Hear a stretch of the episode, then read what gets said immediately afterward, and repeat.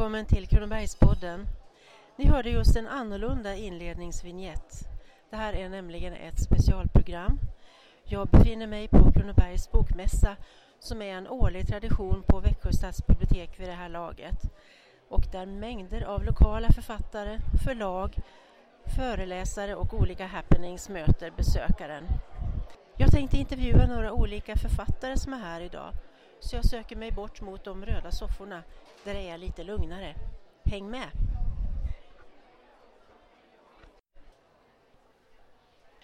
Här sitter jag med Lars Arvidsson, barnboksförfattare som också har ett eget förlag. Du kommer från Braås och är ett så kallat biblioteksbarn. Du är son till en kollega till mig. Eh, har den här omständigheten att din mamma arbetar på ett bibliotek, har det format dig i din inriktning mot böcker och ordet och språket? Vad har du för tankar om det? Ja, kanske lite grann visst. Eh, det har ju alltid funnits där som en bakgrund liksom. Ehm, läst mycket böcker och sådär när man var liten givetvis. Och jag hade ju en fascination för just ja, illustrerade böcker med ja, mycket fina bilder och sånt där. Så det har alltid varit min grej även från att jag var liten. Och, och mamma har väl givetvis haft en eh, stor del i det. Absolut. Ja, du är också bokillustratör. Du gör ju väldigt fina bilder i dina böcker. Och vid sidan av att skriva och teckna då så har du ett eget förlag, Skolbörsen, där du publicerar både skönlitterära böcker, faktaböcker och läroböcker och vänder dig till pedagoger och lärare och skönlitterära författare. Och eh, ser man på Skolbörsens utgivning så är det ju, den har ett ganska brett utbud. Där finns ju barnböcker, till exempel dina egna Prinskorv på äventyr och David Dykare men också vuxendeckare och en bok om träning har jag sett och en fackbok om mobbning. Styr du på något sätt din utgivning eller välkomnar du vilken litteratur som helst? Jag styr ju ganska mycket och har, har tackat nej till, eh, till vissa det har jag utan det måste vara ja, något inom, någon skola så att säga eller så där, där man ser att det finns en, en kvalitet. Och sen så framförallt förlaget är, är ju mycket för min egen del, i min egen produktion eh, på grund av det att jag har skapat förlaget. Jag vill ha en kanal där jag själv styr och ställer lite som jag vill.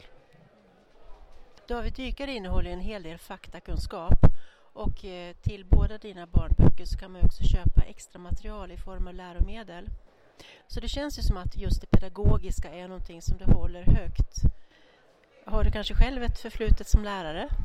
Ja absolut, jag är aktiv lärare just nu. Jag har jobbat som eh, lärare i olika former sedan år 2000 så det är 15 år nu. Eh, just nu är jag på mellanstadiet sedan 10 år tillbaka. Så det, min titel är väl eh, matte och NO idrott 1-7 lärare.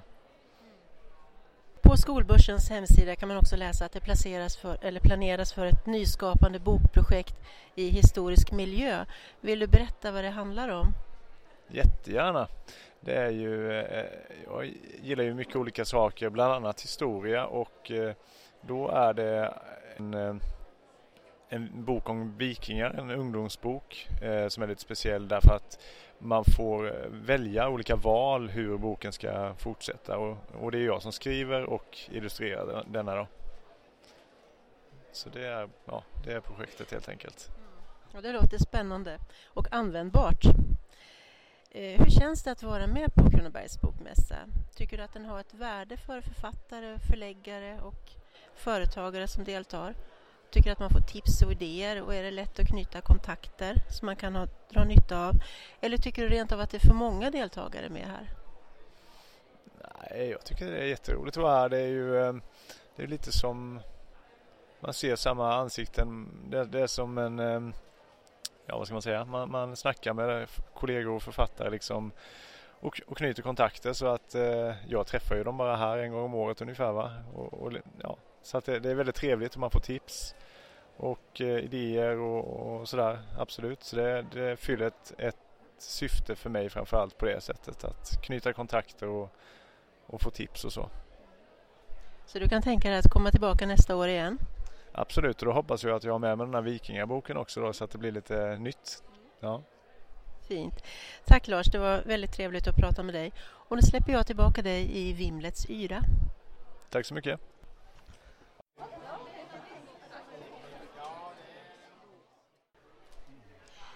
Välkommen säger jag till Dan Johansson, debuterande författare från Lessebo.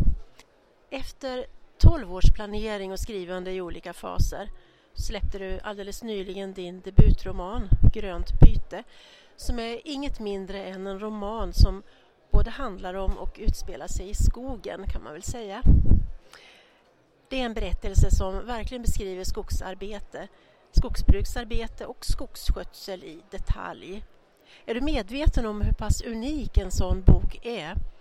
Och eh, har du fått mycket feedback för innehållet i boken?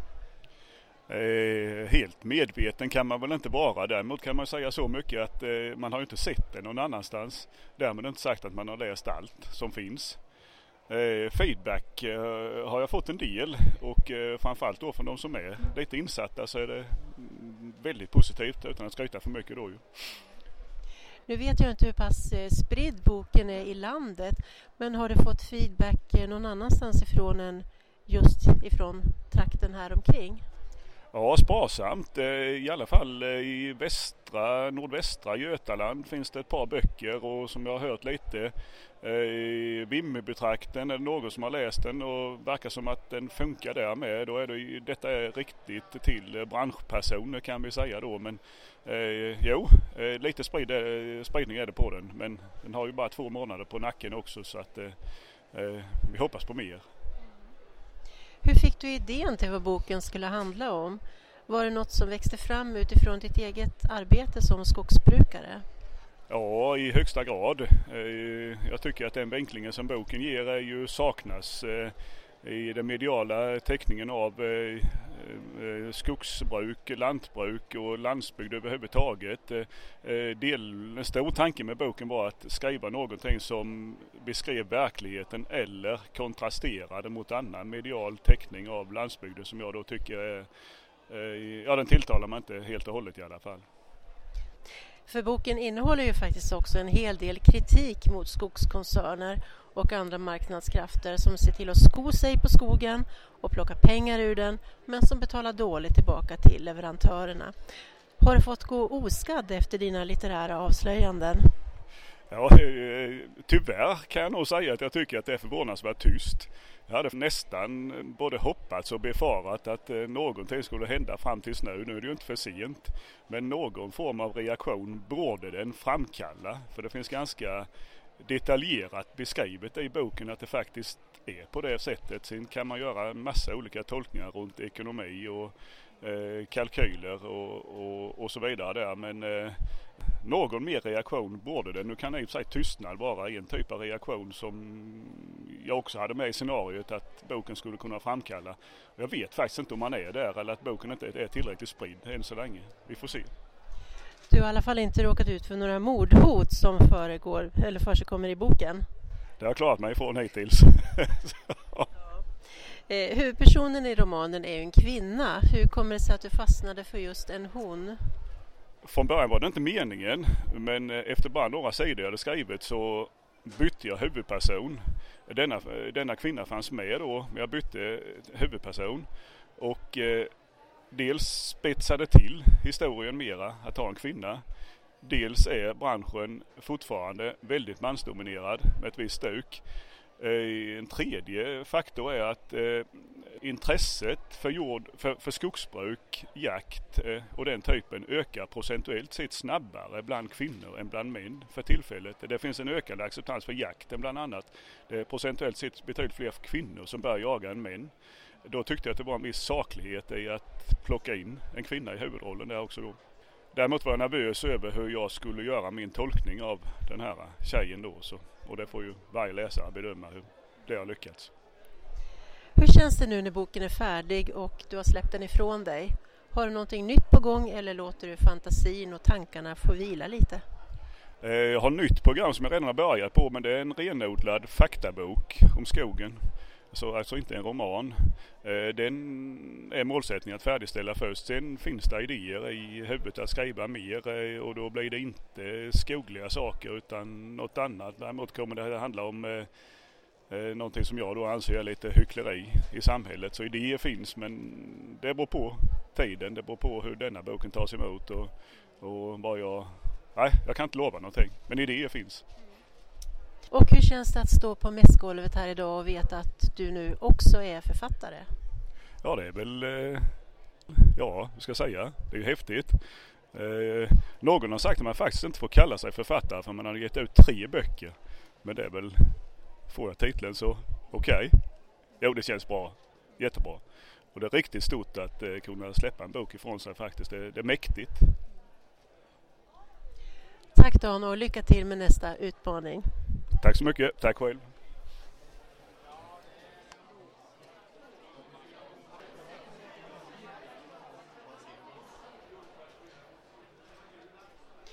Maria Björn, välkommen till en liten snabb intervju här i de röda sofforna på Växjö stadsbibliotek under denna Kronobergs bokmässa.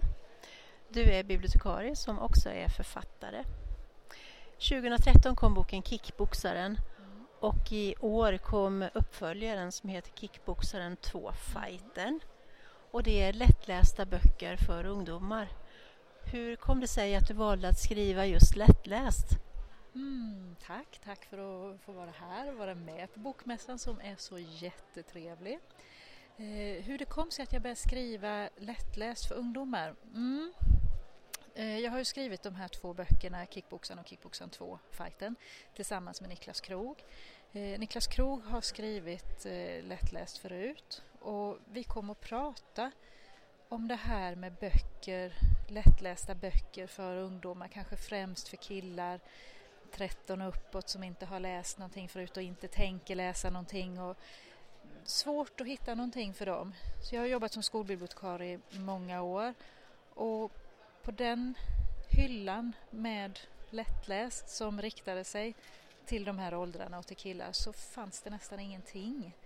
Det fanns ja, några titlar men, men eh, jag kände det att här, här finns det ett utrymme, det behövs fler böcker på den här hyllan. Så jag gick över på andra sidan, från bibliotekarie till eh, författare och, och skriva böcker som eh, kan attrahera de här grabbarna. Och det har det gjort faktiskt, det har funkat. Det här kommer ju väldigt väl i tiden också med bibliotekets projekt om, om läskickar mm. som vi har haft här. Ja.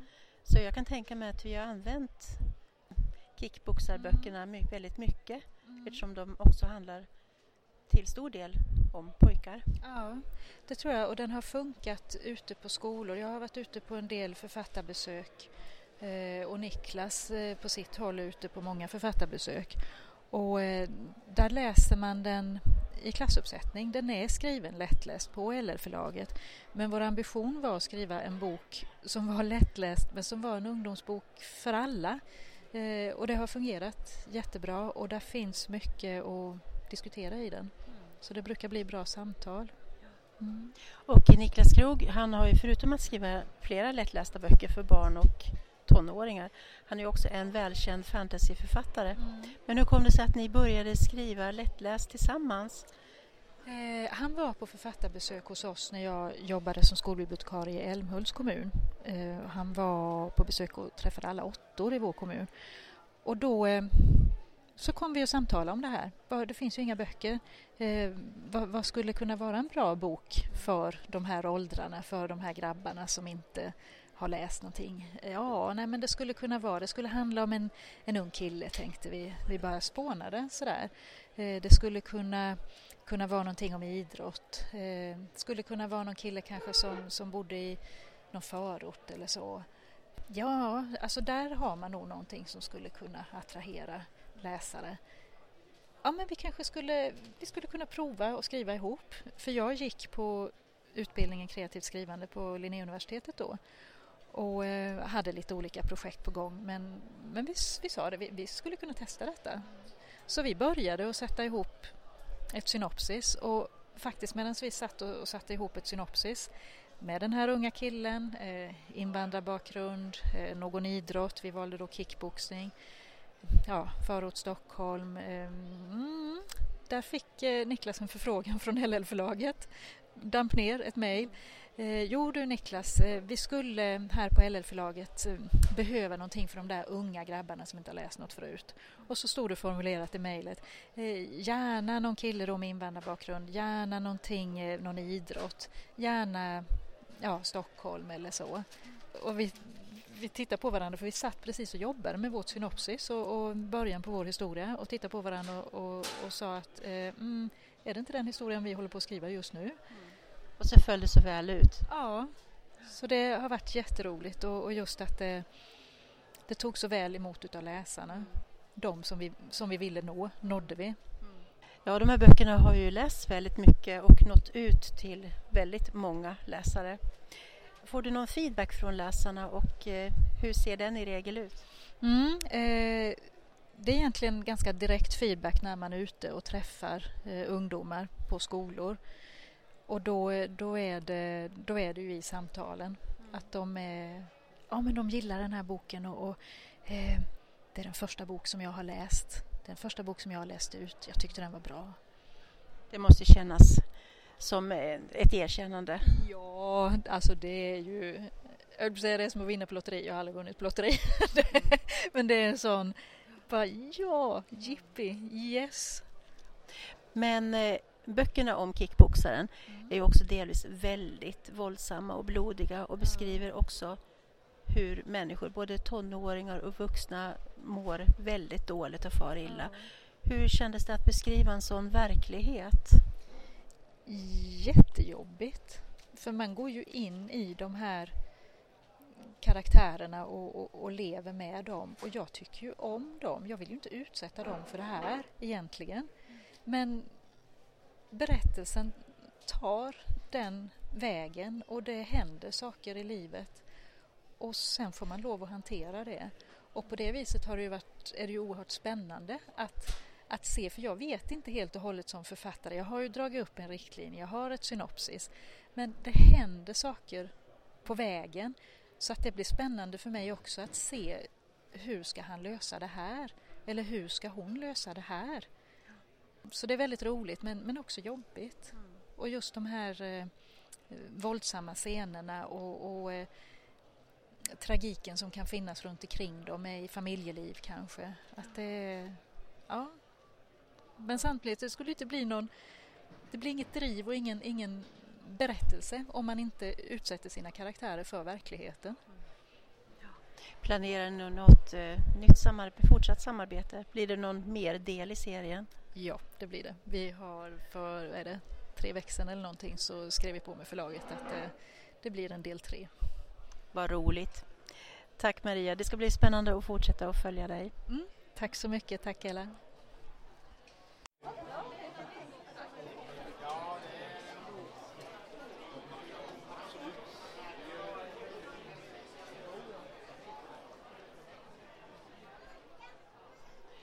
Nu har jag fått sällskap i soffan av Eva Klingberg. Och du har tidigare skrivit en bok om släktforskning och två delar i serien Kyrkornas hemligheter för mellersta och södra Sverige där du inbjuder läsaren att följa med som kyrkoturist medan du bjuder på kulturhistoria och kåserier kring de olika kyrkorna i olika landskap och vad som har utspelat sig i trakten däromkring. Och nu debuterar du också som skönlitterär författare med romanen Stenhuggarens dotter som samtidigt är den sjunde delen i romanserien Släkten som utges av förlaget Historiska Media och där olika författare skriver var sin del. Och hur kom det sig att du axlade stafettpinnen för del sju?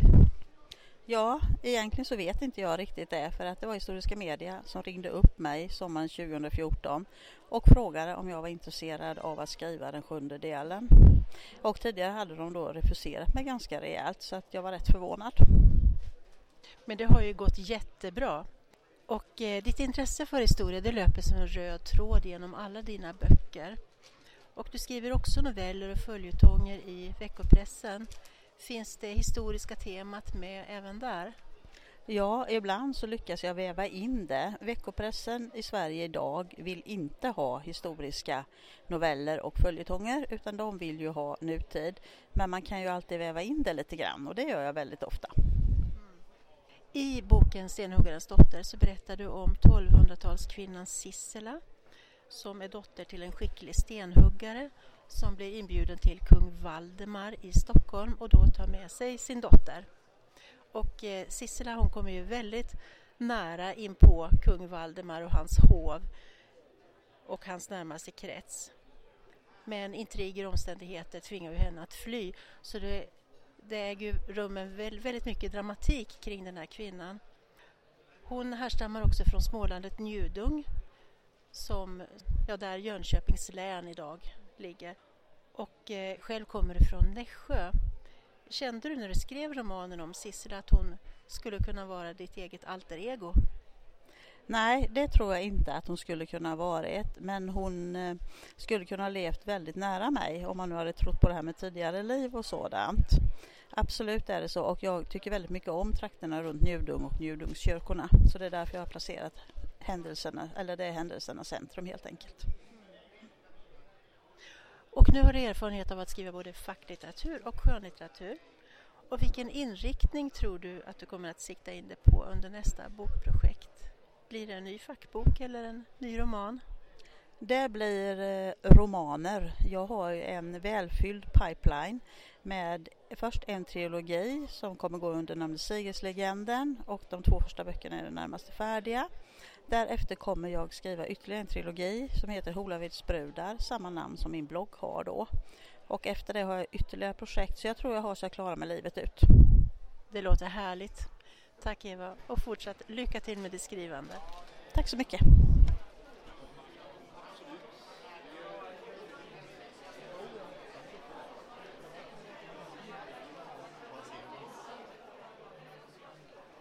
Det är verkligen mycket som pågår här idag på Kronobergs bokmässa. Jag har gått runt och minglat och sett mig omkring och tagit till mig en massa intryck men nu är jag på plats igen för en ny pratstund. Nu sitter jag här med två av de fyra medlemmarna av Indica UF och det är Julia Örnhem och Fredrik Holmberg. Och de två andra medlemmarna som inte sitter med i intervjusoffan är Gustav Olsson och Lukas Ökvist. Ni har skrivit en bok som heter Du gamla, du fria och den har intervjuat 14 olika personer från olika delar av världen som berättar om sina liv och ursprung och hur de upplever att vara här i Sverige nu. Och det handlar ju både om flyktingar och andra människor som har kommit hit av andra anledningar. Och varje intervju har också ett matrecept där den intervjuade berättar om någon maträtt ifrån sitt hemland. Och den här boken känns ju verkligen högaktuell. Hur kom ni på idén att göra en sån här bok? Ja, men det var, väl, det var väl egentligen just att det var aktuellt också och vi kände att det, det påverkade oss personligen allihopa. Vi var väldigt intresserade av mångfald och, och, och samhällsfrågor i allmänhet och sen samtidigt som vi fick möjligheten med det här ungdomsföretaget att, att starta ett sådant då så var det nästan en självklarhet att vi gav oss in i någonting som ändå skulle kunna främja samhällsutvecklingen, vilket vi tycker att det här lyckas göra. Mm. För ert arbete inom områdena integration och demokrati fick ni i våras också Växjö kommuns mångfaldspris tillsammans med Växjö Pride. Och starkt bidragande till det var ju just den här boken som syftar till att synliggöra våra invandrade medborgare och minska fördomar. Kan du berätta om ytterligare framgångar och erkännanden som ni har haft? Eh, ja, vi eh, blev ju årets UF-företag här i Kronoberg eh, och även årets hållbara företag. Och båda de här två priserna tog ju oss då upp till Stockholm där vi fick tävla i företagandet tillsammans med företag från resten av hela Sverige. Och då kom vi tvåa i hållbart företagande. Så det har varit jättekul och självklart en stor ära att få vinna alla fina priser. Ja, det är fantastiskt. Ni har verkligen surfat på en framgångsvåg som jag hoppas bara fortsätter. Ni är ju elever ifrån Procivitas här i Växjö och jag antar att Indica UF uppstod som ett projekt inom ramen för er utbildning. Stämmer det? Ja, alltså det är, det är ju väldigt roligt med just den här utbildningen för man kan verkligen göra det inom ramarna som du pratar om. Men man kan också ta det steget utanför ramen och ändå liksom koppla till det här projektet med ungt, ungt företagande så det blir väldigt mycket vad man gör det till. Så att vi kanske ansträngde oss betydligt mer, la mycket mer tid än kanske många andra. Men vi fick ändå möjlighet att göra det under skoltid också. Vi fick även eh, möjlighet att ta hjälp från just skolan i eh, de olika delarna. Men idag så driver ni Indica UF på privat grund, är det så? Eh, ja, eh, det är privat idag och eh, just nu är vi på ett, ett litet sabbatsår från företaget. Vi försöker sälja lite böcker och fundera på nu när vi slutar gymnasiet till sommaren hur vi ska utveckla det här och på vilka andra marknader vi kan slå oss in med vårt integrations och invandringsarbete. Och så undrar jag förstås, vad står namnet Indica för? Vart kommer det ifrån? Ja, eh, det kommer ju ifrån eh, latinets indica eller spanskans indicar och det är ju då att man vill berätta, eh, berätta en historia, liksom öka förståelsen helt enkelt. Eh, och sen kan det ju tolkas på annat sätt namnet men det insåg vi först i efterhand men vi valde att behålla den då. Okej, jag trodde att det hade något med Indien att göra men där hade jag, där hade jag fel. Ja, lycka till med ert fortsatta arbete för det, det ni gör är verkligen alldeles otroligt viktigt. Tack så jättemycket. Tack så mycket.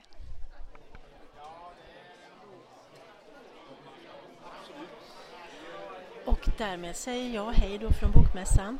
Jag har intervjuat representanter för helt olika genretyper och författarskap och det som slår mig som väldigt starkt och uppenbart är att här på lokal nivå har vi resurser. Hej så länge!